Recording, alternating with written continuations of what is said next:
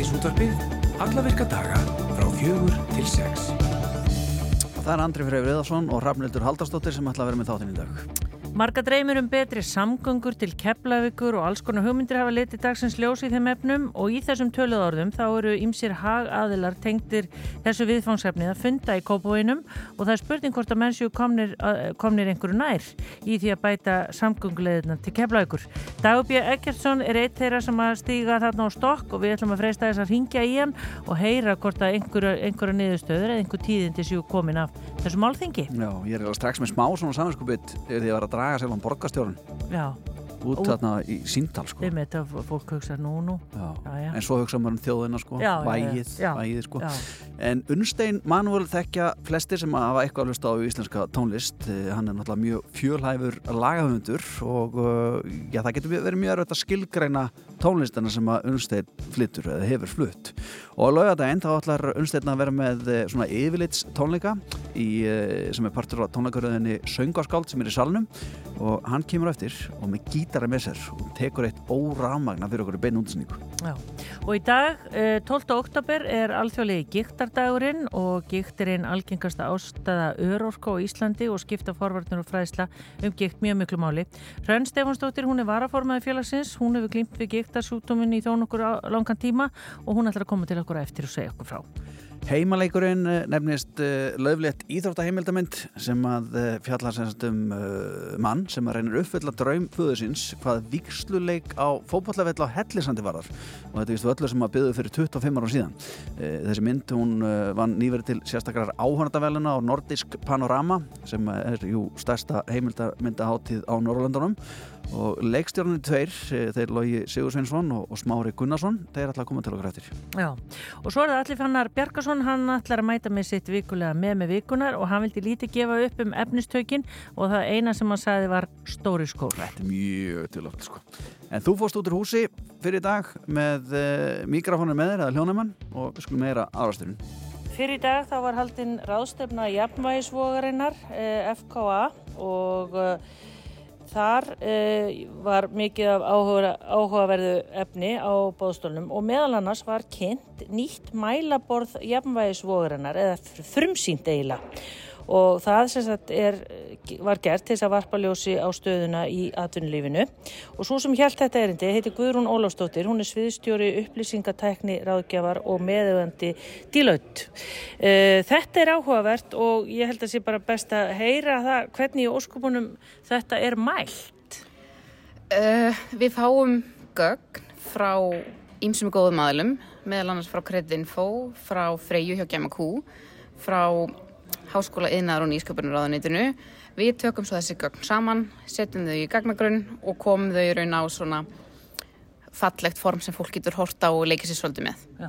Og þannig verður þetta til. Já, og hva, hvaða gögn er þetta sem berast? Það er ekki bara hvaða konur stýra fyrirtækjum eða er í stjórn, eða hvað? Nei, við erum semst með í raun eh, hlutfall kynjana í stjórnum, vissulega, og, og stjórnaformin líka. Uh, hlutfall sem sagt, kynjana í framkvæmda stjórastól. Við erum ekki með framkvæmda stjórnir, það er gögnum sem er ekki ennþá sapnað í dag, en væri gaman að byrta í daginn. Svo erum við með háskólagreiningu, við erum með samanburð á því hvernig ofnbæra gerin versus um, engagerin er að standa sig og Svo erum við líka með yfirleitt yfir stopnendur fyrirtækja, hvernig það skiptist á milli kynjana. Og, og hverjar voru nú svona helstu niðurstöðunar? Helstu niðurstöðunar er nú kannski svo að þetta hreyfist hægt. Um, það er held ég 5% aukning í framkvæmta stjórastól yfir síðustu 13 ár sem að, já, er nú ekki vænlegt til vinnings eða þú ætlar að horfa langt fram í tíman. Þess að þetta eru 5% fleiri konur þá núna á 13 árum. 5% stig, já. Þetta var 16 og er 21 í dag. Og þetta er sérst frá 2010 til dagsins í dag. Um, svona fyrirverðan á því er náttúrulega að 2023 er ekki búið, en það verðist ekkert alltaf að líta mikið betur út heldur en fyrir ár.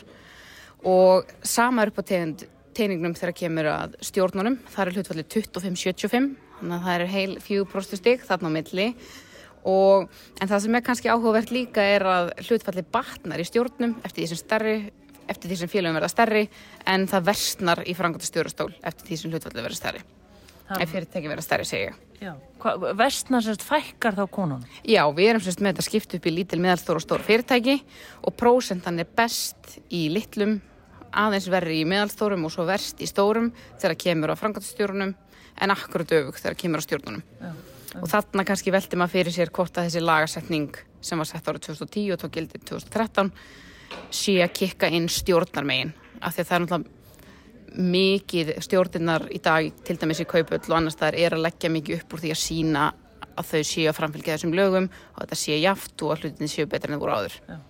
En er lög til grundvallar einhver svona greining að vinna af hverju þetta er svona? Það er að segja, er, sagt, er vilji hvenna miklu meiri heldur en hann sýnir sig í raun og veru? Um, mælaborði í grunninn gefa þér bara stöðuna eins og hún er og hvernig hún hefur verið og svo kemur þessi spurning af hverju og það er svona svolítið spurningi sem við erum að velta út í staðan fyrir að svara. Við getum sínt þér hvernig þetta er og, og að þetta hafi breyst lítið aftur í tíman en við getum ekki sagt þér af hverju það gerðist og það er svona kannski svolítið liður í þessu mælaborði líka að við viljum fá umræðan á stað. Mm -hmm. Að fólk ræði af hverju af hverju hefur þetta ekki breyst hraðar, eru einhverju þættir í samfélaginu, eru einhverju utan að koma til áhrif og spurningi sem við veltum að einhver leiti upp eru konur ekki að útskrifast nú mikið úr háskólum sem að mælaborði sínir er svo sannlega ekki þar sem að konur eru 66% þeirra sem útskrifast úr háskóla þannig að við erum svörum afskaplega lítið af hverju og miklu meira bara sínum stöðun eins og hún er og viljum er eins og að það er taki í raun almenningur og samfélagið og atvinnlífið við mm. Uh, hvað með því sjálfa, Guðrún? Þú ert náttúrulega hérna, eins og kom fram að í kynningunni, einn meðeganda í þessu fyrirtæki Deloitte og svona, er þetta, og þú ert nú ung, ung kona og svona, Hva, hvað segir þú svona í þína svona stallsistur og það sem útskrifuðist með þér og svona, er, er metnaðurinn meiri heldur en kannski raunverður svo vittni? Metnaðurinn er klárlega til staðar, ég held að það sé ekki, hvað maður segja, það er ekki það skortir ekki metnaðin og, og margar af mínum skólarsysturum hafa komist langt í sínu, í sínu fæi þannig að ég, ef ég tala fyrir sjálfa mig þá kannski hef ég upplifað þetta minna heldur en tölurna vissulega að segja. Og þarna kemur líka kannski inn að í dílóið er afskaplega mikið af upplugum konum og við erum ansi góður hópur þarna inni og, hérna, og stiðjum hvora aðra þarf. Þannig að hérna ég hef kannski funnit þetta minna á einn skinni heldur en tölurna sína mm -hmm. en hérna en tölurna sína vissulega að staðan er ekki góð Nei. En hvað trú hefur þú? Ég menna svona ungkona sem ert svona einhvern veginn í stafninum á þínu fyrirtæki og ekkert endur að tala um það en bara trúuru að við náum þessu og þá bara einhvern tíman á næstu hvað ég var að segja 20 árum, 10 árum? Gögnin sína við náum þessu 2048 2048? Já, það eru hvað, 25 ár í það og ég held að flestir oski þess nú, að, eða ef ekki allir, að þetta muni ganga hraðar en það að við verðum ekki að tyggja sömu ræðun árið 2048, ég held að henni enginn að hlusta okkur tala um þetta í 25 ári viðbót já. þannig að ég trúi því að þetta muni breytast hraðar, já Við skulum vona það besta. Uh, Guðrún Ólafstóttir sem er sviðstjóri upplýsinga, þetta er svo langu titil, sviðstjóri upplýsingateknir áðgjafar og meðefandi dílót. Takk fyrir að gefa okkur smá inn, insinn í nýta mælaborðu. Er eitthvað einhvað sem bara til dæmis hlustendur geta kíkt á? Já, að bara fara nú fk.is, skróla þar aðeins niður, þá ættu allir að finna þetta. Takk fyrir spjallið. Takk sem leiðis.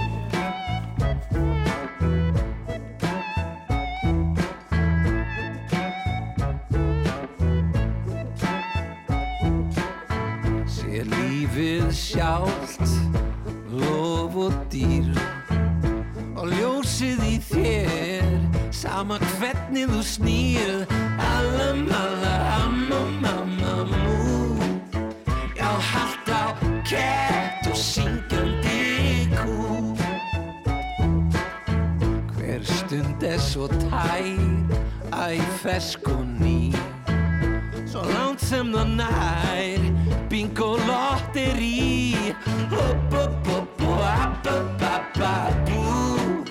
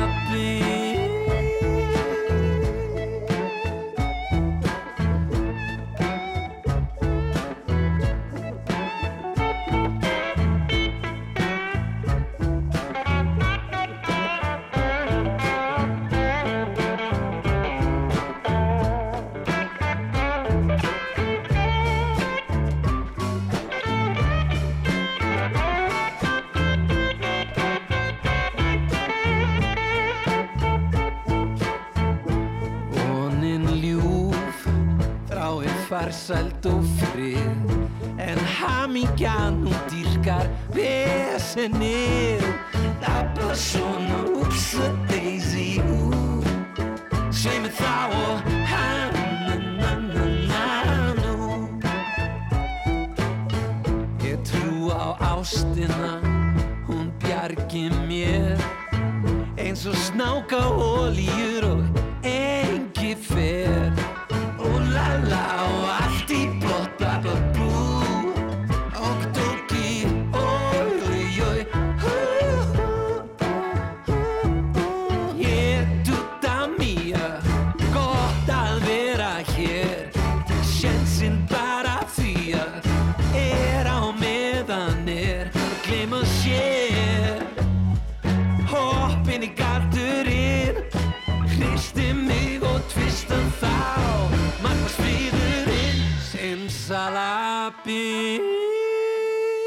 Simsála Bim segna þetta er Múkisson í læginu Eduta Mía en er að koma lest frá uh, Keflavík og uh, já, frá Keflavík og á höfuborgarsvæðið Dagur Björgitsson, hann ætlar að svara því hérna við þetta Rástvö Þetta er Rástfö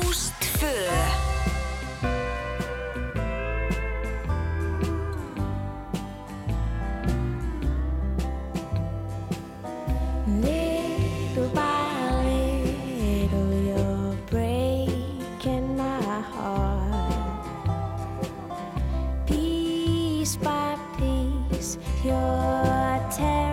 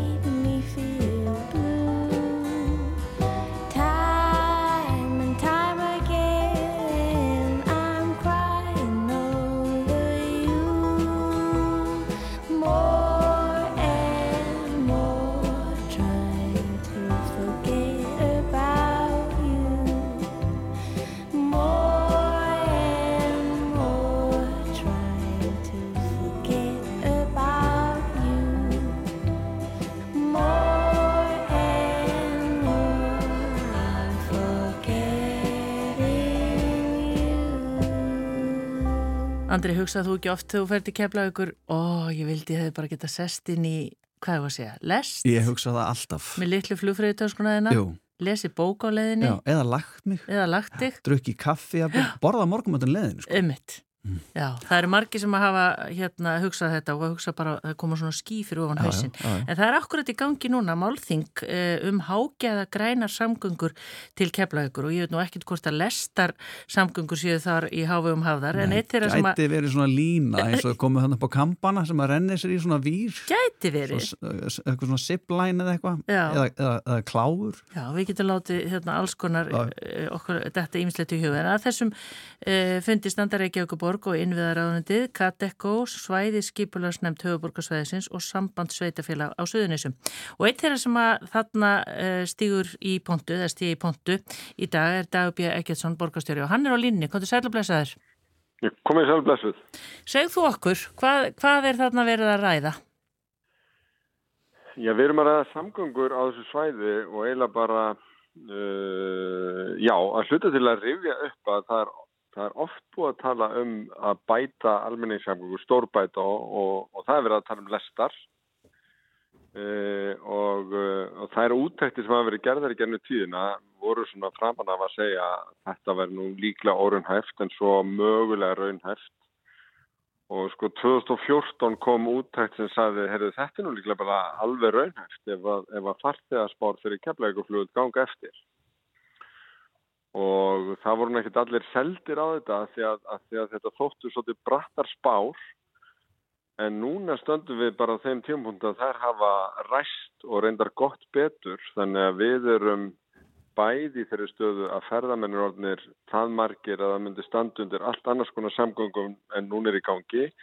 Og það fjölga gríðarlega á söðunisum og mjög mikið á höfuborgarsæðinu líka þannig að við höfum líka þarf til þess að, að sko bæta samgöngur og almenningssamgöngur sérstaklega á öllu þessu svæði og hugsa þetta sem heilt þannig að, að við erum eiginlega að koma saman til þess að bara fara í gegnum þessa stöð og, og, og, og hvað eru mest spennandi lustinnar og hvað er til ráða. Já. Er þetta komið á það stiga þegar ég hafði farin að ræða hvernig lestir þetta eru? Er þetta eitthvað í líkingu við metróin eða er þetta svona, svona gamaldags lestir eða vitum við eitthvað um það?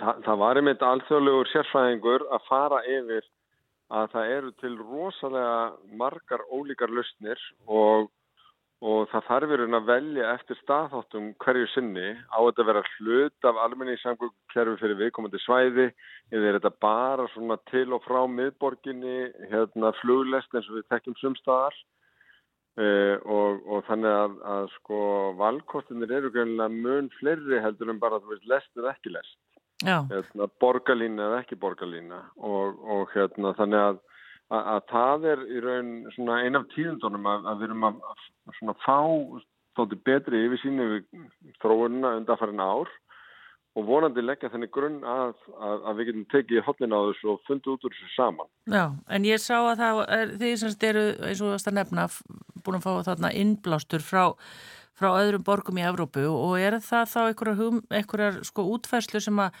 passa við Ísland eða já, Já, tímanlaust sko. Það sem er sérstætt hjá okkur er reyndar að flugvöldurinn er dálítið lengra frá heldur en hérna víða annar staðar en e, það er náttúrulega algjört flatlendi e, á leiðinni og, og flægjurnar e, byrja oft þegar verið er að reyna að, plana lestar inn í þéttri byggð. Þannig að þá hafa sömur stungið upp á göngum og, og, hérna, og það eru löstnir sem eru notað sumstaðar en, en, eh, en fyrst þarf eiginlega að, að ákveði saminningu að fara í alvöru greiningu á valkostunum og hvaða kostur eru í stöðunni og hvernig þetta getur líka nýst bara sko höfuborgarsæðin og suðunisum sem svona hilstaðu svæði sem vill vera bara frábært til að búa á og, og hérna og, og uh, hérna tryggja lífsgæði fyrir íbúana þannig að þetta sé ekki bara svona ferðamanna tengt verkefni. hversu bjart síðan ertu dagur uh, að hérna á skalanum 1-10 að eitthvað slíkt verið komið í gang, hvað ég var að segja, innan 10 ára? Uh, sko ég bjart sín að, að uh, við setjumst yfir verkefnið innan árs skulum við segja, en hvort þetta verði komið hérna, til framkvæmda innan tíu ára, ég þór ekki alveg að fullar um það. Það, það dattir eitthvað upp á mér í umræðanum hérna að við erum kannski ekki rosalega góði að, að gera svona langtíma plön og fylgja þeim eftir. Ég meina við, við sko gerum korki reykjauguflugvöld, nýja keflauguflugvöld sjálf. Það voru breytar annars vegar og bandaríkjumenn hins vegar sem gerðu þá. Þannig að, þannig að við eigum svolítið eftir að klára okkar heldar hugsun um hvernig við viljum hafa þetta til næstu 50-100 ára. Og, og það tækifæri er svolítið núna. Já, en allavega umræðan er það fyrsta sem að, maður gerir það ekki og þeir eru þarna að bera saman bækunar og við fáum fréttir af því. Já, við erum með, með fullansalega sérfræðingum en líka bara miklu áhuga fólki sem er bara að kalla eftir þessu og spurja bitinu við af hverju þarf þetta að taka svona langa tíma og af hverju þarf að greina þetta svona mikið er ekki bara þetta að byrja á þessu strax þannig að það er mikið lági. Já, takk fyrir þetta gangi ykkur vel og gangi okkur öllum vel í þessu. Dagur Björkilsson, takk fyrir spjallið. Takk. Bless. Já, þetta er magnað. Það er gott að vita að eh, það eru já, þó ekki nema hugsanlega aðeins meir en tíu ár þar sem að við þurfum að hugga þar um að leita bílastæðum og við kemlaugum fljóðu svona, hvernig var ekki bara þetta verið lest. Já, ég, af því þá geti sko fríið hvar sem að maður bý- býr auðvitað við forréttenda hópnum hérna á höfuborgarsæðinu það byrjar þá fyrr. Já, já, að þú sest inn í ykkur að lest þá eiginlega ertu byrjar í ferðalægir Einmitt, akkurat. Ég sé fyrir mér að eh, lestin gæti farið frá keflaugustöðu og svo kemur þau upp í svona liftuðar rúlustega á Ingolstorgi Já, og þar sko sumardegi þá er, kemur upp sko líf og fjör og það er eitthvað að borða kebab eða, eða bát eða ís eða eitthvað og það eru hérna, móturlega gæðanir og konir á torgið og eitthvað á hjólabretti og svo röldur aðeins með að þú ert komin á tjötnina og þú ert bara komin í sko bara stórborg sko, sér H&M bara ok, þetta er stórborg. En ég menna ég skil ekki okkur þú varst ekki á þessu málþingi. Já, ég ætla bara bruna, þetta er ennþá í gangi. Já, Now I've been happy lately, thinking about the good things to come. And I believe it could be something good has begun. Oh, I've been smiling lately, dreaming about the world as one. And I believe it could be someday it's going to come. Cause out on the edge of darkness, there rides a peace train. Oh, peace train, take this country. Come take me home again. Now I've been smiling lately, thinking about the good things to come. And I believe it could be something good has begun. Oh, peace train sounding louder. Ride on the peace train.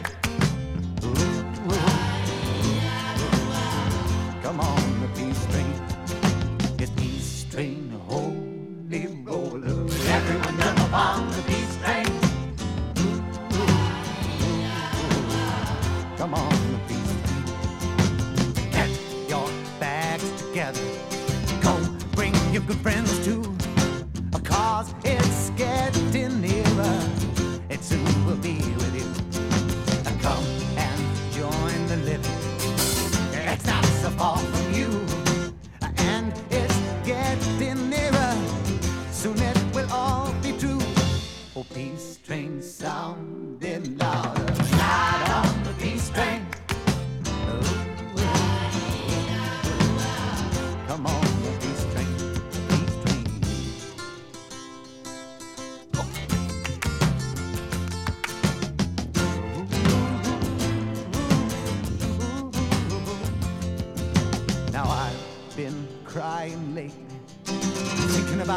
World as it is.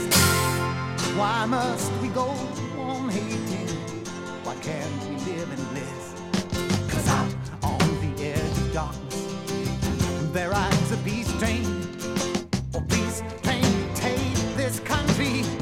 Come take me home again. Oh, peace train sounding louder.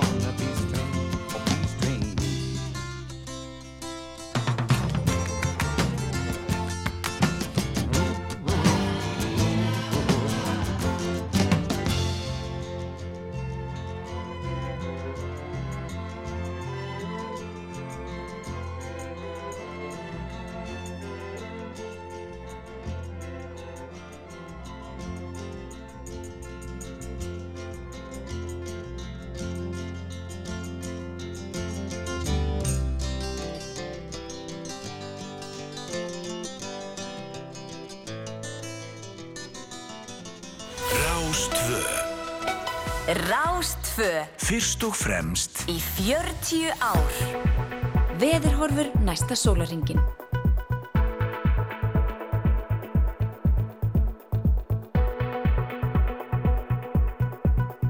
Jæja, góða mín, hvað segir mér að við veðri á, á landinu öllu? Herðu og það voru bílar fastir auðvitað á helliseiði í morgun Já, já. og svo fekk ég mynd núna frá uh, Öksnadalsheiði, það er enþá bara balkvast og vant veður Mm.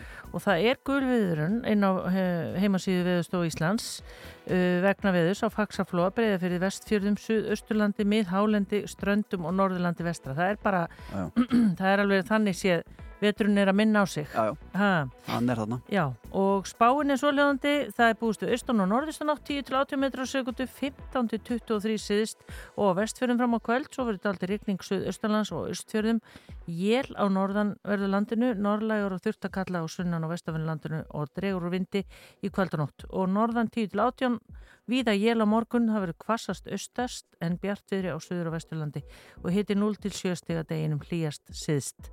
Og hvað sá ég líka, viðtalið ykkur á dekkjaverstaði, næsti lausi tími 20. eitthvað oktober. Er það byrjað líka? Já, já, já. Það rauðin. alltaf sama gamla. Röðin farin að myndast. Þú er náttúrulega löngu komin á naglana. Já, já, já, Já, já, ég já, já. elska mín, ég ger þetta bara sjálfur. Ég Já. kippi þessu bara undan og smelli, smelli naglaðatekjunum undir, sko. Það er ekkert mál. En e, það er 12. oktober eins og flestir ætti að vita og þetta er svolítið svona dagur körfuboltans hérna á Íslandi. Það verðist vera. Já. Því að e, sko körfu knallegsteild Njarvingur var stopnuð á þessum degi árið 1951.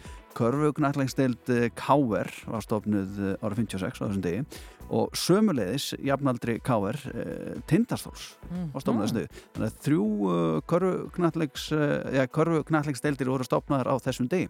Tókstu eftir bólnum sem allir fannar var í.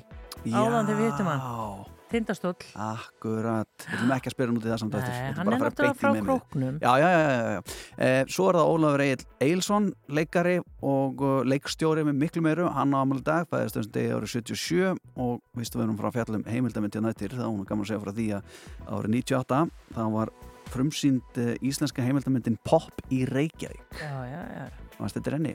Á, ég man eftir henni en ég get ekki sagt þér alveg. Nei, og nýlega sínt hérna á Rúf, skemmtileg sko, og svona farir popsinn á, á svona tíma. Já. Mjög gaman. Mhm.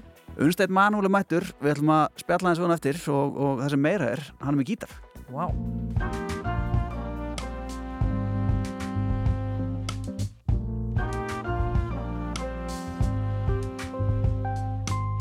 Afsakið en mætti ég Fá að ræða létt við húsfrúna Af almættinu sendur er. Hún þarf að komast aðeins út núna Hún þarf að dilla dilla bara dansa smá. Tætt og trill að fá sér smá í tá það má Hú það má Hún fer að verða inni blóm Hún er rótföst í inni skóm.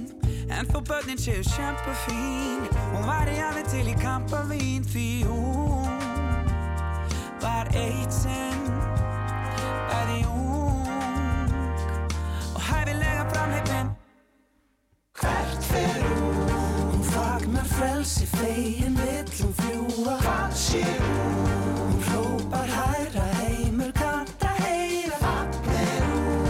Hún ætlar útlift henni út og sjáðu Hvernig hún svo springur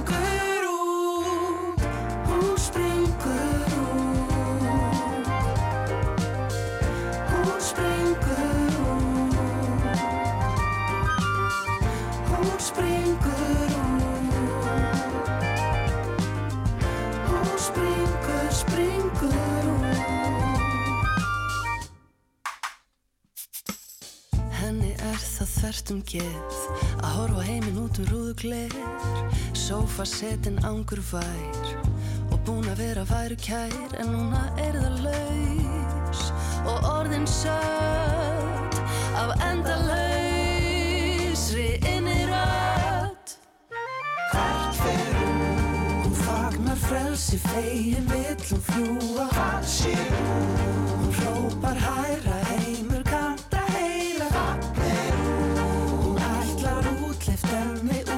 sjáðu Hvernig hún svo springur út.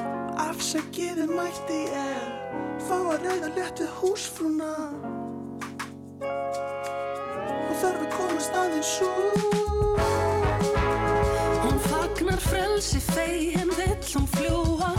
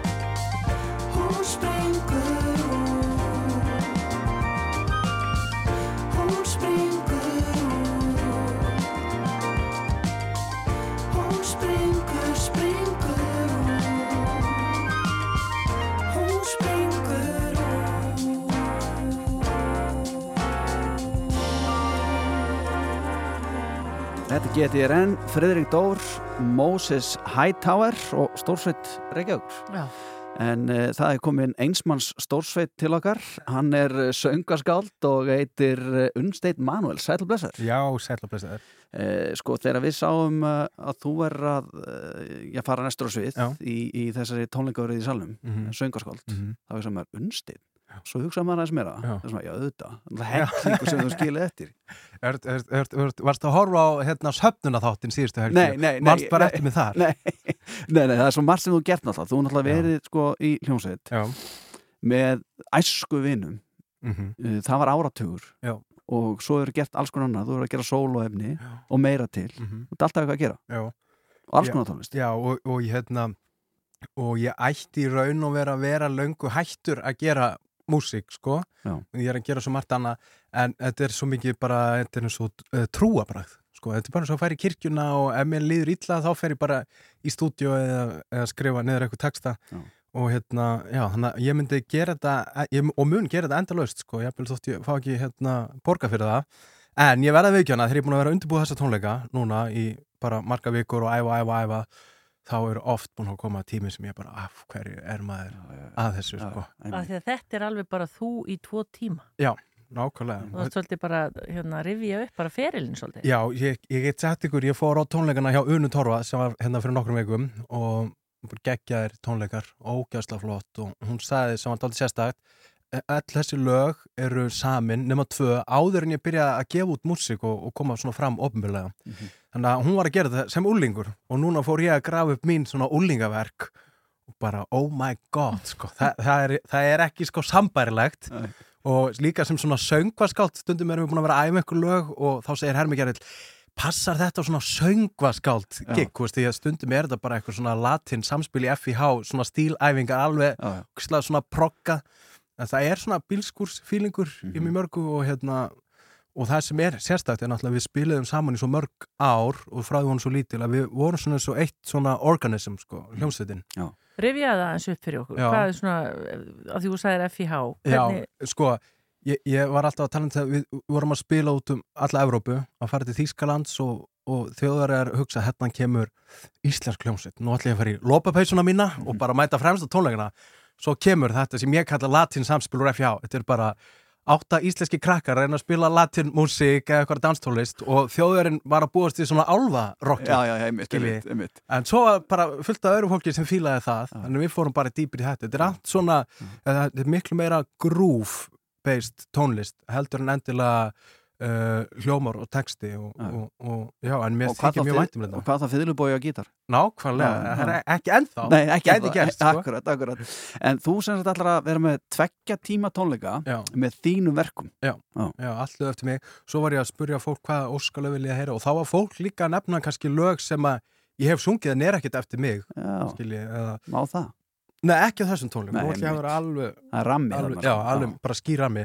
Mjög mikið af Rettur Stefson lögum og mikið af Rettur Stefson lögum sem er ekki á netinu já, já, já, út af því að hérna, við, við vorum bara að fá tilbaka réttin að allri okkar músík og glemdum að setja þetta á Spotify og Mm. Já, eitthvað svona Þannig að hann eru hérna lög sem, já, fólk mun kannast við sko. Já, en sko þú þarf líka að tala á milli laga þú Já. þarf að segja sögur og svona Já. af því að það er svona söngvaskáld Nákvæmlega, já. og ertu góður í því? E, já, ég, ég hef e, minnstar ágjör að, að því sko, í þessu e, samingi og ég, meira sem núna síðast er ég að vera gefa út músík, þá gerði ég svona podcast með, með hverju lagi, það kemur bara hálftíma podcast með hverju lagi. En ég ætla ekki að drepa áhörundur sko líka. Uh, það er líka nefnilega fullt af músík sem veist, maður heyri lag kannski á, á, á netinu það er þrjár mínútur en þarna getur við spilað í tíu mínútur og ég get gefið strákunum solo og þannig að já, það er, það er svona möguleikar sko. Já, já. Eh, Þú verður væntalega ekki einn á sviðinu? Nei, það er Gilvi, Yngvi og Sveinbjörn Hermikjærhöll úr Rettur Stefsson Arljótur, bróður hans Gilva, hann er söngarinn hérna Óibarasta, hann, er- hann verður að bassa. Og svo er Hafsteinn sem var að spila í- með Unu síðustu helgi og spila með Daða Frey og Já, bara já. frábær gítarleikari, hann, hann er að spila með mér og því ég sá hann á sviðinu með Unu og ég hugsa með mér, þetta er bara lausnina öllum mínum vandamálum og kvíða næstu vikunar hann að ég fekk hann í bandið og hann getur spilað sko, þegar við þurftum tveir að vera að taka gítarsólu og svona rattað, hann getur spilað Einn? Nei, vá maður. Magnaður ná ekki, magnaður. Eh, Sístón, Hafsteinn Sístón. Akkurat, akkurat, geggjaður. Unnsteinn, eh, hvað ætlar að spila fyrir okkur? Ég ætla að taka, þetta er svona eina lægi sem ég treysti mér einn á gítar sko. Ok. og það er bara Queen. Það var, þegar við váttum heim til Þýskalandi við sendum þetta lag á Rás 2 fyrir jól og svo heyrist það ekkert svo eftir jól komst það á toppin og var eiginlega í hálft ár á toppin og þá flutt, ákvaða að flytja heim. Já, til að spila fyrir bankana. Já, geggjaður, gjör svo vel. Takk.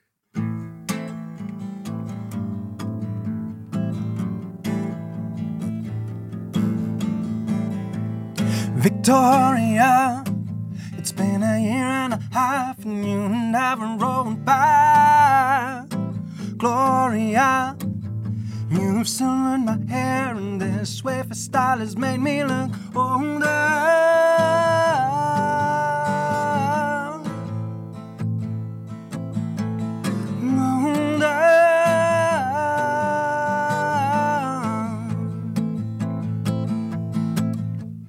We can walk our fox together. You know I don't like pets, don't bother. Title of the catching. It's part of your imagination. We can walk our fox together. You oh, know I don't like pets, don't bother. You're title of the catching feather.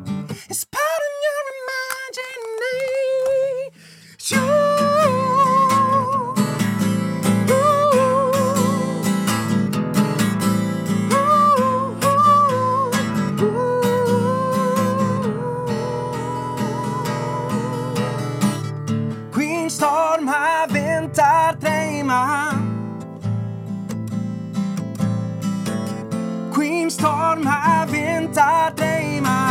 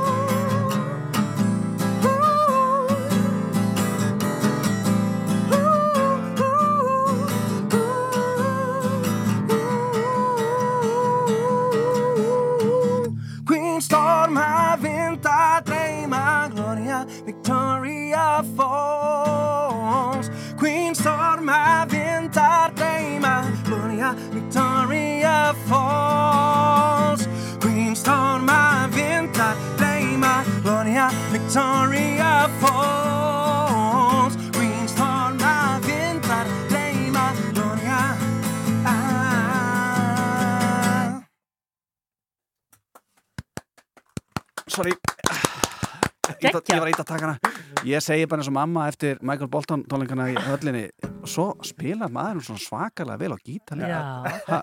Takk fyrir. Þetta er magnað. Herðu og tónleikarnir eru hvenar? Það eru núna lögadaginn klukkan átta. Það er miðasal á tikkbúturis og þeir eru byrjaðar að harða aldrei hratt út núna. Ok, ok, þetta er nefnilega risa salur Nefnilega ekki. Þetta verður cozy heitt sko. Akkurat. En uh, þakka að kjalla fyrir þetta Hönstein og bara Takk fyrir, takk fyrir að fá mig. og gangiði vel með að standa í tvo klukkutíma upp á sviði og flytja þín eigin verð Nákvæmlega. Þetta verður ekkert mál. Nei, ég fer í kaldapottur undan. Akkurat, akkurat. Og með góða félaga að við lið þannig að þetta verður ekkert mál. Þú verður, þú verður ekkert eitt hann Það er nóg framöndan í síðdeis útvarpinu og við ætlum að fara að skipta yfir í eh, fréttir. Það eru fimm fréttir sem að þurfa að sitt pláss og svo höldum við áfram. I think I've had enough. I might get a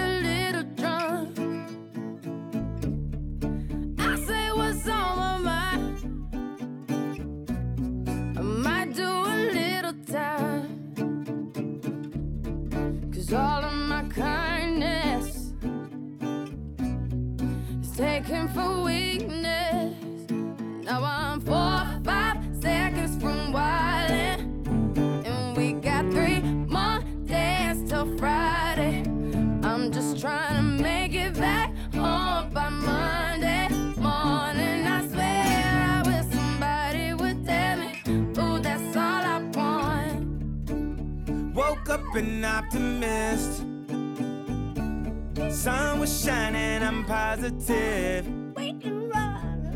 Then I heard you was talking trash.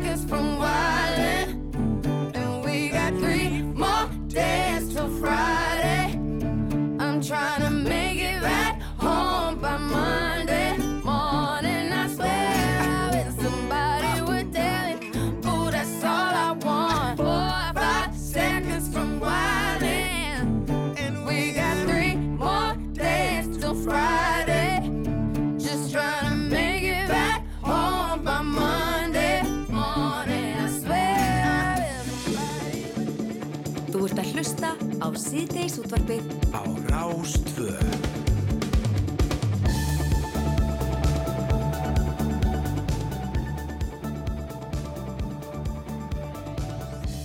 Já, eins og komið þið fram þá er 12. oktober í dag og það er bara ekki hefðbundin 50 dagur, eh, heldur er það líka alþjóðlegur giktardagur og eh, gikt er einn algengasta ástæða örorku á Íslandi og, og forvarnir og fræðsla um gikt skipta mjög miklu máli og það er einmitt það sem við ætlum að leggja til í, það, það, í púkið í dag. Hún er komin ynga Hrönn Stefansdóttir sem er varaformaður giktafélagsins. Velkomin. Takk að fyrir. Til hamingi með daginn. Takk. Er þetta dagur sem er, þið haldið upp á hjá giktafélaginu?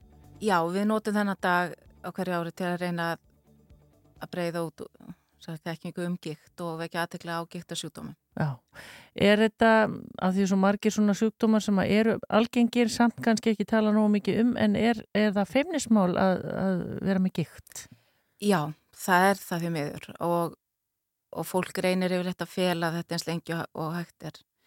Þetta er líka þannig sjúkdómar að hann byrjar hægt, þetta kemur, byrjar í smáverkjum og, og yfirleitt þá, þá, þá versnar fólki það hægt að það, eila, þetta kemur bara eiginlega svolítið aftan af fólki þannig að það er ofta orðið mjög veikt þegar, þegar það loksist greinist og sérstaklega ungd fólk skamma sem fyrir að vera með sjúkdóm sem það tengir helst við gamalt fólk. Já.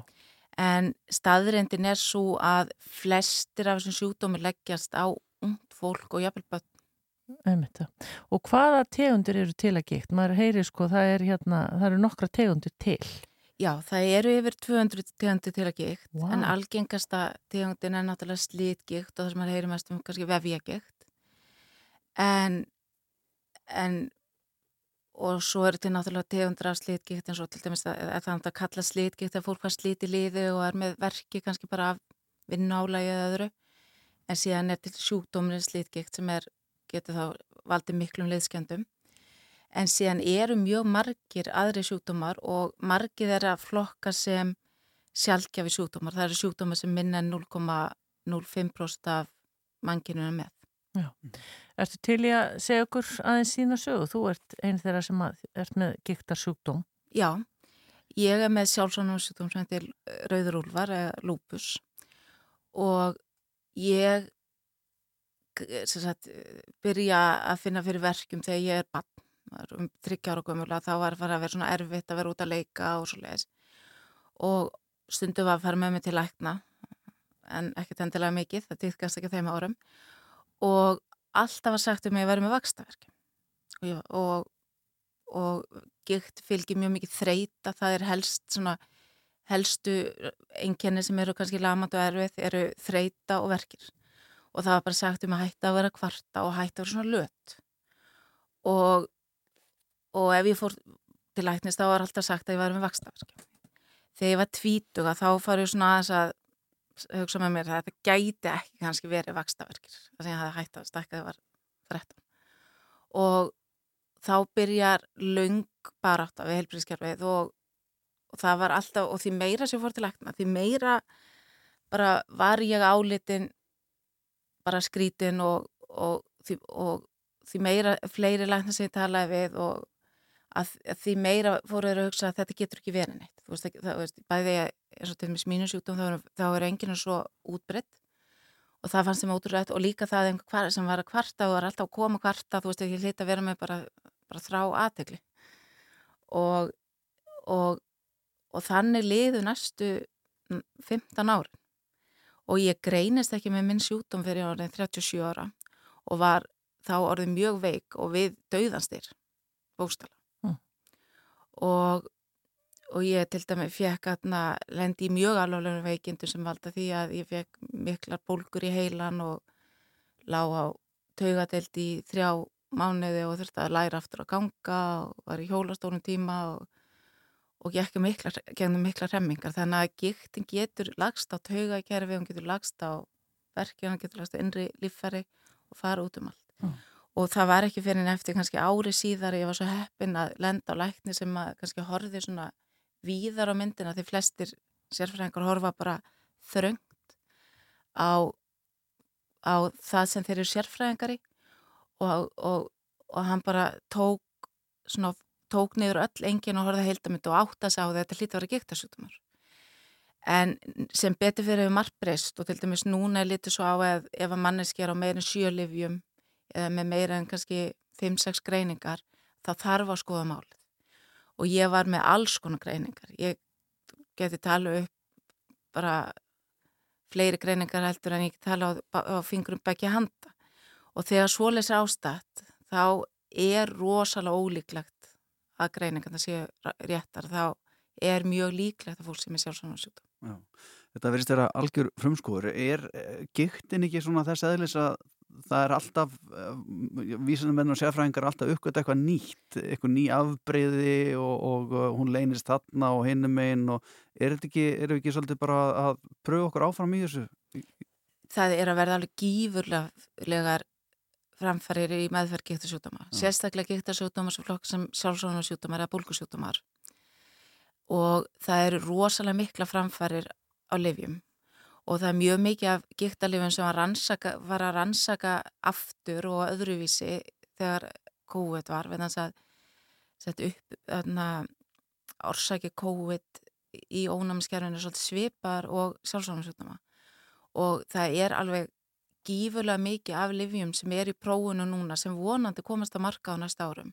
Mm. og mikla breytingar á livjónum og líka kannski nokkun á livjónum sem verður vonandi til þess að, að, að, að það verði bara mjög, að það sé bara mjög bjartir tímar framönda fyrir fólk með þessa sjúkdóma. Já, en er þetta greint í blóðpröfu eða hvernig er þetta greint? Sjálfsónumi sjúkdómar eru flesti greintir í blóðpröfu og sumir, já, en, en sjúkdómar eins og slitgikt og vefjagikt er ekki greint, eru greint út frá enginn. Já, einmitt það. Þið leggið áherslu á í dag 12. oktober auðvitað og alla daga, alþjóðlegu gengt degi, uh, að sko forvarnir og fræðsla skipti mjög miklu máli og, og hvers vegna er það? Já, forvarnir og fræðsla skipta mjög miklu máli vegna þess að því fyrr sem fólk leita til læknis að þá því meiri líkur er á að, að, að livja meðferðin sem fær, er sem dugi og því fyrr sem það leita til læknis því því einfaldari livjameðferð getur að vera á og því meiri líkur á um virki fólk var ekki í slæm köst að því að gíktaköst geta valdið þú veist heilabilun, hjartasúdómi, hjartastoppi og alls konar vandamálum og, og, og en ef fólk greinist emma þá getur það kannski bara verið á einhverja einfaldari livjameðferð sem bara dýr út lífið og það finnur aldrei neitt sérstaklega fyrir gíktinni og það kemur líka veg fyrir skemdir á innri lífærum á liðum og öðru sem að er erfitt að kalla tilbaka en með góðri sjúkraþjálfun og með veist og því að fólk taki lifin sín en þess að margir gera það ekki og stundir reyfingu stundir hálf lífverðin borða allar mat að það eru að lifa mjög góði lífi með gikt og gikt þarf ekki að há fólki ef að það er gripin og snemma mm -hmm. og það er engin hetjuskapur að harka að sér endalust og fara ekki til ættis ef að fólk er með verki eða finnur fyrir einhvern óðurlum enginum og sérstaklega þeirra að fá margar óðurlegar greiningar það áða að leita til ættis og láta endur skoða málinn og, og fá hjálp Já. Þið voruð að flytja inn í túsnæði upp í gráu eða ekki? Jú, við hefum að innrétta nýtt og glæsilegt húsnæði í gráu þar sem við vonumst til að geta veikt fólki mun betri þjónustu heldur en hefur verið hinga til. Aðgengi að gamla húsnaðan okkar var ekki nógu gott en þetta húsnaði er mjög aðgengilegt. Það er gott aðgengi bæði fyrir göngugrindur og hjólastóla og þannig að við getum synt öllum þeim hópum sem leita til okkar og við erum að stefna því og erum að sapna okkur fyrir því að fá gott fjarfundakerfi og, og búnaði fundaraðstöðu þannig að við getum haldið fundi sem fólk á landsbygðin getur þykir þátt í. Við erum með námskeið og, og svona fjár yðið þjálfun þannig að, þannig að fólk á landsbygðin getur fengið þjónustu sem það því hefur vantað. Og, og stöðulega því að, að, að jafningastöðninsóparnir okkar geti hjálpa fólkinu utan landi betur í gegnum þetta fjárfundakerfi Já. og svo eru við einnig með yðið þjálfun og sjúkra þjálfun sem verður mjög betri aðgengjað og það er þjónustu sem er mjög mikilvæg fyrir fólk með gikt. Já. En og aftur til hamingi með alþjóðlega giktadaginn í dag 12. oktober og takk fyrir kominingar hann Stefansdóttir, uh, varaformaður félagsins og gangi ykkur vel. Kæra þekkir.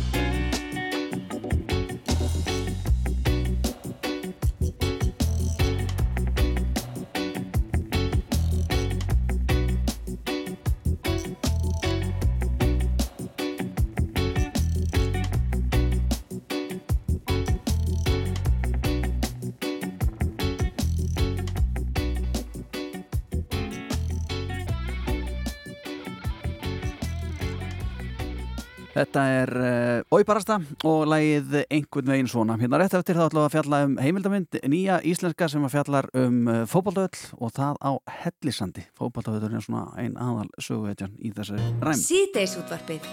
Hæfileg blanda frá fjögur til sex á Rástföðum.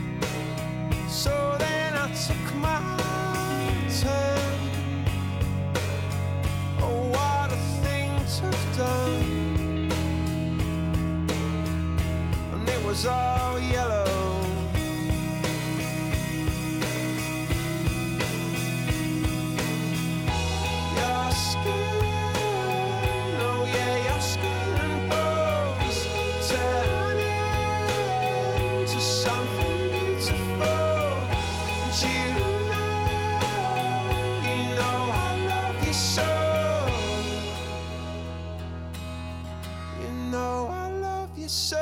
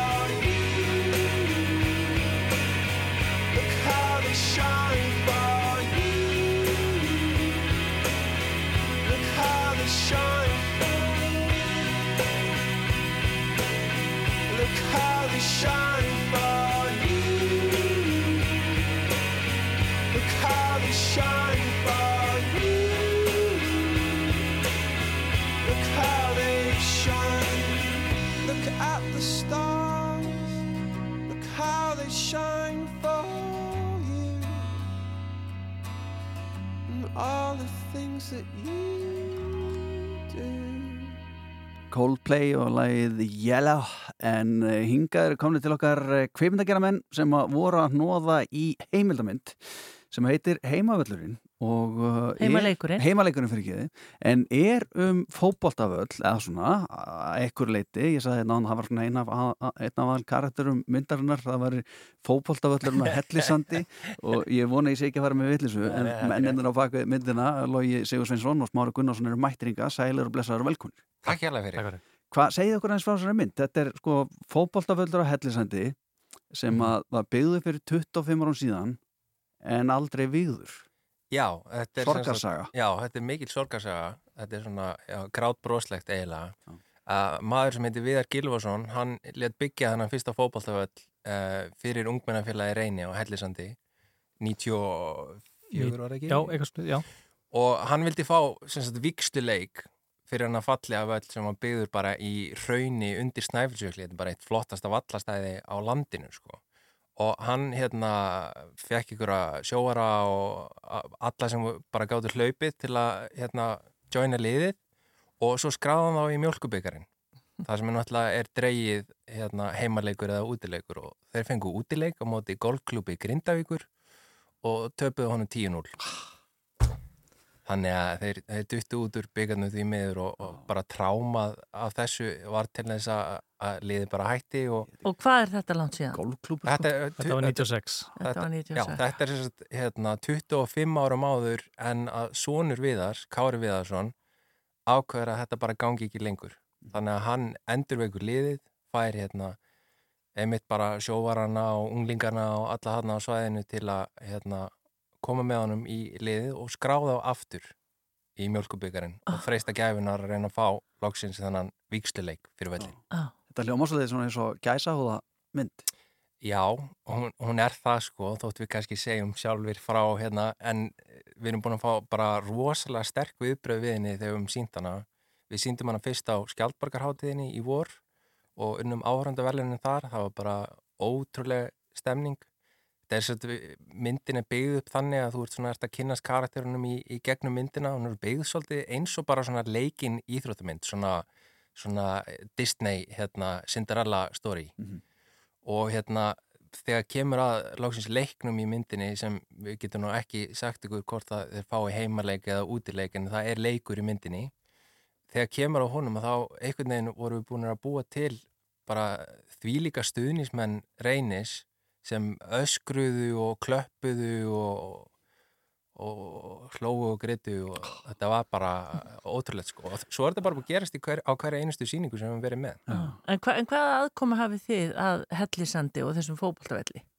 Ég er allan að, ég er frá Ólasvík sem er bara næsti bær við ólst upp þar, þannig að ég þekki svona svæðið. Sem er stórveldi í fótbolta, er það ekki? Jú, einmitt, Ólafsvík? já, þeir eru með Viking Ólasvík sem er svona tölvöld stærra lið heldur en reynir. Já. Já, þess vegna var þetta rosalega jákvægt svona samfélagsverkefni líka já. að, hérna, að þeir skildu endurvekja reyni fyrir þá sem að kannski er ekki nógu góðir til að komast í viking eða, eða finnst það svona aðeins og alvarlegt Mhm. og vill bara, þú veist, vilja vera í fótballta með vínunum og, og þú veist, að vera hluti af liði Já, einmitt. Sko, hann Kári, er það gammal félagi sem að þið svona hafi verið í samband við og hugsa mjög en nú er hann alveg búin að missa það, sko. Í, já. Já. Og hann er náttúrulega búin að rýfa allt upp að á svæðinu. Hann er náttúrulega ótrúlega aktífur, kallinn. Hann er, hérna, hann er með þarna fristiklefan eh, sem er eh, alls konar sko, er leikus og tónlistarstaður og hostel og bara svona vinn í eigðumörkin eiginlega, þetta er bara ótrúlegt hérna batteri og hann er svona típa sem bara þegar hann fær eitthvað hugmynd að þá bara, þá fer hann alltaf leið með þetta. Já. Þannig að hann hafði samband við okkur í sitt hverju lagi og við logi þekktumst ekki áður en við byrjuðum að vinna þessari mynd. Það er alveg magna, sko. Og, Nú fyrir ég að gráta þetta. Að þetta er annað gæsa Þú ekki bara að gera heimildvönd um það? Jú, ef ekki bara rúla á okkur um gaman með það. Uh, sest, já, hann talaði við okkur í sitt korlagi og saði okkur þessa sögu, þessa sorgarsögu og sem er bara, þetta er bara megin fyndið hérna dæmi sko, þetta með golfklubin í Grindavík, það skildu tapa þarna 10 10-0 og það var einhvern veginn, allar tölur einhvern veginn svo fullkomnar. 10-0 á móti golfklubnum 25 ár síðan. þetta er, þetta er nefnilega sko eiginlega lígilegt sko. En við getum tekið fram að það er allt í myndinni er alvöru Já. og hérna það var ekkit fyrkt að því sko. Talandum alvöru, svo Mm. er það nordisk panorama sem er bara stærsta heimildamöndaháttið á Norrlöndunum Mhm. Og uh, þegar myndir fá uh, eitthvað svona velum þar, þá fara þar oft svolítið á flug, sérstaklega hérna í nágrannlöndunum byrja þar, svo er það bara heims yfiráð. Eru þið fannir að finna fyrir einhverjum hita undir heimavellinu? Já, það er, það er hérna, það er sjóð heitt sko Já, Já við unnum sér að hérna, áhörandaverlinin þarna á Nordisk Panorama við vorum hann í lók september og það var bara þvílíkt ævintýri og það, þar voru náttúrulega að sína myndin í fyrsta skipti fyrir eh, erlenda aðila. Það var, veist, það voru slatti af íslendingum líka þarna, allir sem búa í nágræni við, við Malmöðu mættu. Og hérna þetta var bara alveg eins sko. Já. þannig að það var bara náttúrulega mikið léttir fyrir okkur að sjá að myndin virkaði líka erlendis. En ég sé hérna því að Andri nefndi við ykkur sko Netflix, sjáðu, ef þú færð hérna inn á kvikmyndi.is, Já. þá kemur hérna já. þá kemur hérna Netflix-merkið. Já, það var svona baka tjöldin, þá var ég að spyrja út í hvort þú var að fara að Netflix, það er ekki hugmynd, sko, það er hreinlegt að segja Þetta er að það. gerast inn í beinu Þa, út. þetta er bara, já, við, við erum alveg til í það sko, ef, að, ef að er viljana En svo, sko, ef myndin fer á flug, nú er ég bara að sko, Já. Já. þá gæti það í rauninu sko bjarga reyni, sko, því ég sé fyrir mig sko þá að vera að panta treyjuna sko út um allan heim, sko, Einmitt, það þykir já. svona ægilega flott að eiga reynistreyju og þetta er svona þeirra liði, sko, svona söndalinn til í dæ, Þetta, já, þetta er nákvæmlega eins og það og þú veist, hérna Wrexham ævintýrið hjá þeim hérna, Já, já. hérna Disney kongum. Kári er náttúrulega skrifa á undan hann náttúrulega er svo mikill businessmaður ég held að hann sé búin að panta einhverjar hundra treyjur frá Henson og er tilbúin sko er þegar, þegar, Þegar kallið kemur. þegar kalli kemur Fullan sko. gám fyrir að liklakipum og bollum og fullan gám sko. treflar og allt. já, já, hann er tilbúin Já, og þið eru leikstjórar, Já, þið já, tveir, og hva, hérna, hver eru aðri sem koma í myndinni fram? Um, það er nú bara samfélagið þarna á, á Hellisandi. Kári er náttúrulega hérna, aðal sprautan í þessu og svo pappans viðar sem held ég að- að þegar Íslendingar fara að flikkast í bíó og sjá þessa mynd að hann á eftir að verða svona einhver svona kvöld hetja. Já. Hann kemur til dýrana alveg eins og hann klættur og hann er svo ótrúlega fyndin og skemmtilegur að hann er bara nákvæmlega eins hérna, þegar var slögt á kamerinu og það var kveikt á henni Mhm. ótrúlega hérna, hræs og hjartalýr maður hann er, mitt, hann er bróðir Halldór Skilfarssonar Já, leikara já. og núna er bara á reiki hvor er fyndnari Já. bróðurinn sko Það er önnur heimildamönd. það er, já, það er, frið, Það er þriðja- myndin okkar Já, akkurat. En hérna, en hver geta, geta hérna, getur almenningu síðan myndina? hún byrjar í, í almennum sýningum á morgun föstudag, förstu daginn 13. oktober e, í Smárabíu og Bíóparadís. Dásanlegt. Til hafmyggjum þetta strákar, heimavöllurinn eins og þeir eru gott fólk. Heimaleikurinn. Heimaleikurinn fyrir ekki, oh, Andri, þú ert alltaf með völlin í aðal. ég Þú- veit þú að vilt ég er svo mikið að hugsa um völlin. Þetta er heimaleikurinn. Heimaleikurinn er komin í kveimudús og það er hægt að sjá hann þar. Yes. Til hafmyggjum þetta strákar og bara gangi ykkur vel í framtíðin og áfram reynir. Takk hjá fyrir Takk áfram fyrir. reynir. Áfram reynir.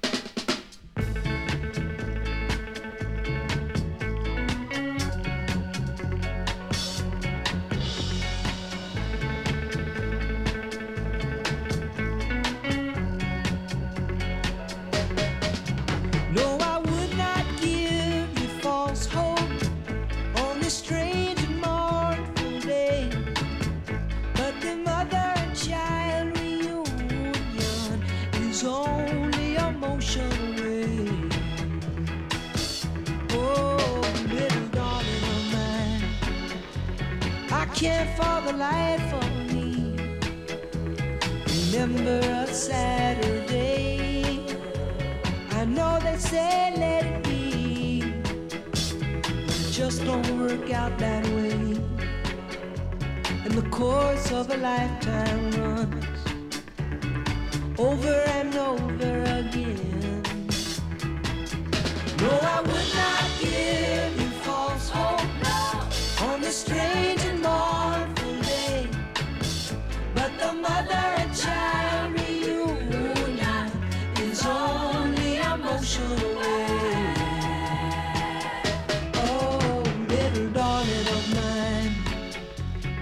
just can't believe it's so. Though it seems strange to say, I've never been late so low. In such a mysterious way and the course of a lifetime runs over and over again. But I would not give you false hope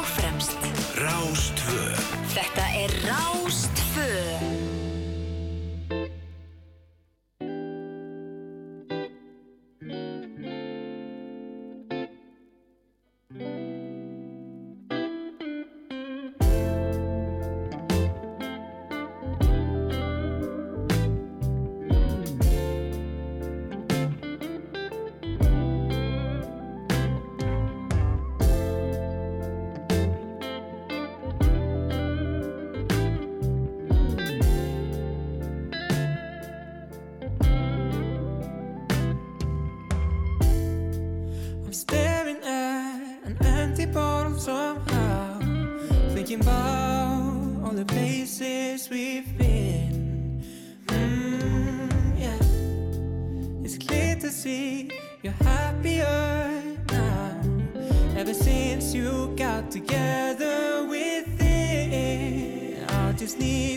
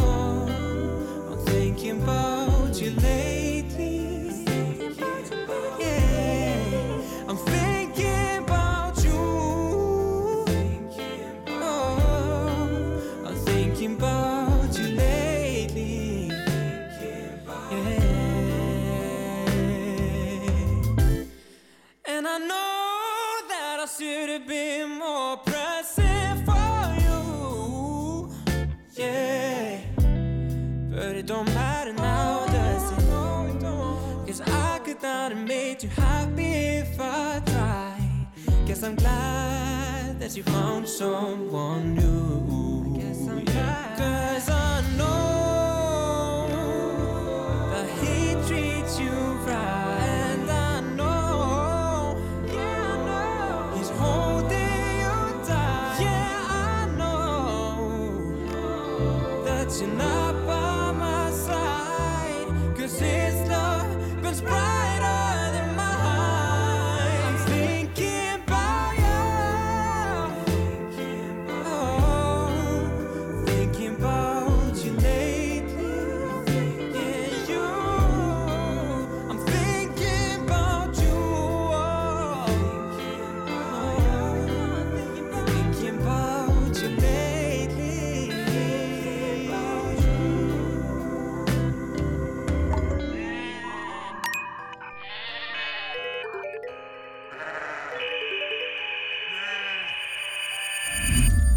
Sá tími ás það sem að uh, það er orðið svona meira myrkur en uh, ella og uh, það er fyrir kólandi.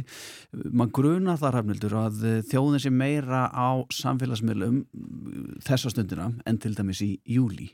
Þess vegna er hann komin til okkar Alli Fannar Bjarkarsson í dagskálaðin með meðvíkuna. Blessaður. Komið þið sæl, komið þið sæl. Er þetta þín tilfinning að fólk hangi meira á Já, það allir, bara öllum miðlum held ég. Já.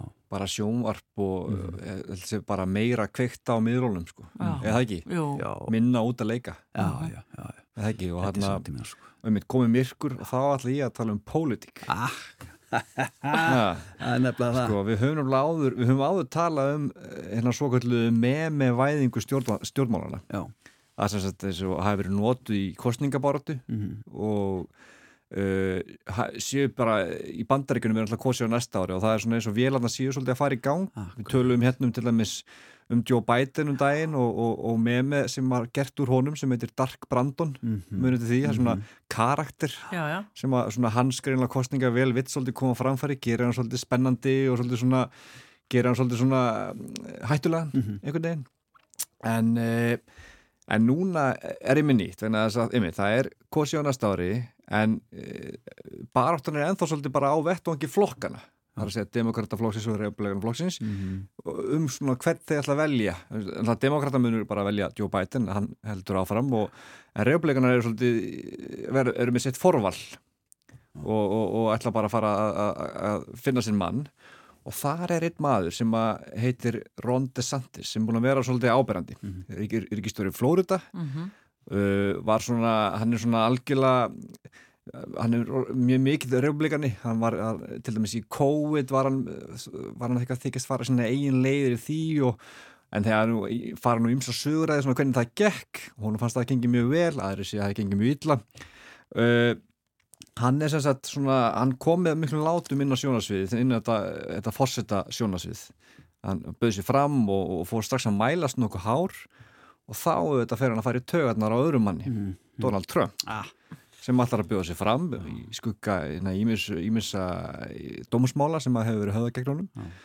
Og Trump bara einu auðvitað þólið þetta ekki að sem að reyna að stela honum þrömunni, þannig að hann hefur verið alveg svolítið svona að, að hvað sé, nota samfélagsmiðla til að skjóta svolítið vel á hann og sína ræður og annað. Hann hefur verið að uppnefna hann eins og hann gerir þegar hann finnur sér svona óvinni, þá uppnefnir hann fólk Ron DeSantimonius eitthvað svona og hann, hann er með svona skemmtileg nörn á hann Mhm. nema hvað, núna undarfarið hefur farið á stað með mig með sem sagt, Ron DeSantis og það snýst um að fólki grunar að hann sé í hælaskóm undir skólum sínu Já, Svona hæll sem sést ekki. Já. Já.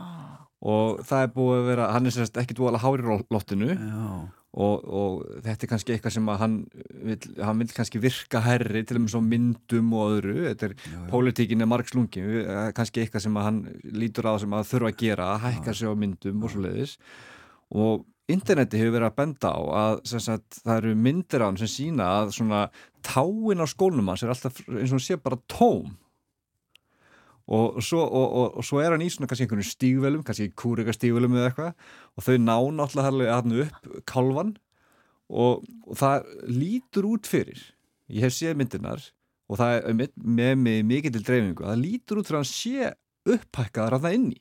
Já.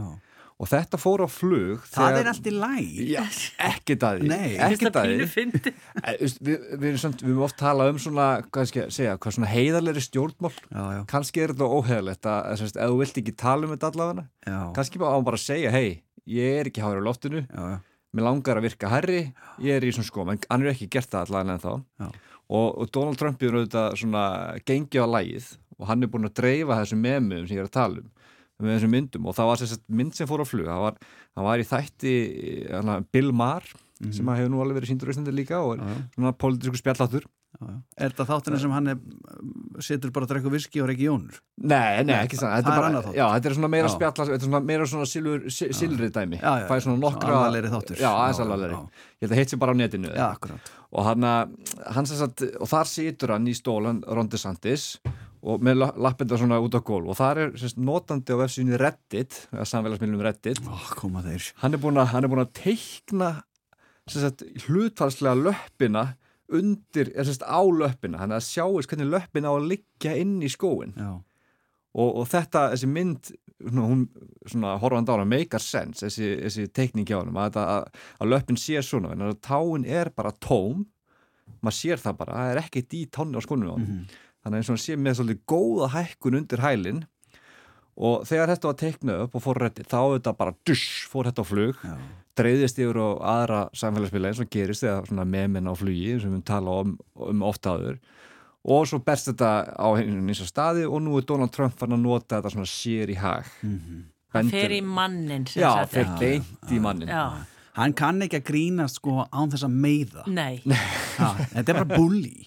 Já, hann er auðvitað bulli Já, og þetta er auðvitað, auðvitað svona eh, skemmtilegt að velta þessi fyrir sér og svo spunnum hvað, við ættum kannski bara að fylgjast með sko hvort það muni eitthvað svara þessu já, já. En nú ertu Og- búin að gera mig svo forveitna. Ég Já. verð í fyrsta leið nú allir sem eru að hlusta eru Já. að sammála mér. Já. Þeir þurfa að leggja bílnum bara að finna mynd og hvar á ég þá að leita helst? Já, ég held að þessi mjög auðvelt að finna þetta ef við bara förum inn á Google Já. skrifum bara Ron DeSantis og bara shoes.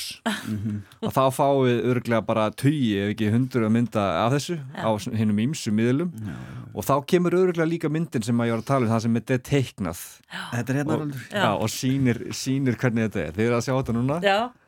Já, það er eins og sé tóm táin. algjörlega tóm. Og það er, þetta er ekkert eina myndin. Það er sérst að búið að finna fleiri dæmi þar sem þetta, þetta lítur út fyrir að vera, vera málið Oh. Já, ég, mér- finnst þetta ekki fyndið. Ég, hérna, mér En finnst hu- það hugsið ykkur bara hvað, ma- hvað með þurfa að ganga langt Já, í pólitíkinni sko, akkur getur hann ekki bara verið eins og hann er? En kannski verður þetta Hann- með, með æði núna tánna? til þess að hann stígur fram. Eh, Já, en svo er hann að mála, þetta er maður sem er svolítið að berjast fyrir því að fólk fá ekkert að vera eins og það er. Þetta er svona maður sem er eins og svona hinsegin og transmálefni mjög mikið á móti þeim og hefur verið að svona tromm upp svolítið að þessu hatri sem er í gangi kemur ekki bara illt á illan hann, er, er það ekki bara jú, málið? Heyr, heyr að hann, hann leif ekki fólki að vera eins og það er Er það að horfa á þetta núna? Mér finnst þetta bara sniðut Er þetta ekki bara komið baki á hann? Er þetta ekki bara karma? Mér mér finnst þetta bara, já, mér finnst þetta, mér finnst þetta snjallræði með skona, ég er að skoða þetta hérna. ég, ég lendi nú bara í með félagið þinn Perstein, Já. hann sagði við mötendur hérna eh, fyrir dag og sagði hann, hvað, bara fjóra gótuleitur ég, ég sagði, já maður, þetta er bara, þetta er svo mikið fita á þessu bein. Og hann sagði hann, ja. ég sagði, hvað, finnst þú ekki fjóra ára? Ég er með þrjár, svo sagði hann, finnst það svona smámenn eins og þú fæst í fjóra, það ætlaði að fá mér eini í viðbót. Já, og ég hugsaði, herði, ok. Og svo núna, þetta er lausnin sko. Já. þannig að næst þegar ég mæti upp í mötunum til Já, þá verður þú bara í í Þá mætist þið bara í, sko, þú verður bara auga fyrir auga. Í, í Berstins Berstins alltaf er, hann er 1.90 eða eitthvað. Já, hann er bara bulli sparði og skoði þetta. Fyrir ekki að við skulum vera að hlæja þessu. En þetta var bara samhengi sem vorum að bara hlæja. Sko, við erum að hlæja líka bara manni sem er, leifir ekki fólki að vera eins og það er. Akkurat, Það er heyr, svona, heyr sko, og þetta hvetju hann til að vera bara eins og hann er. Mhm.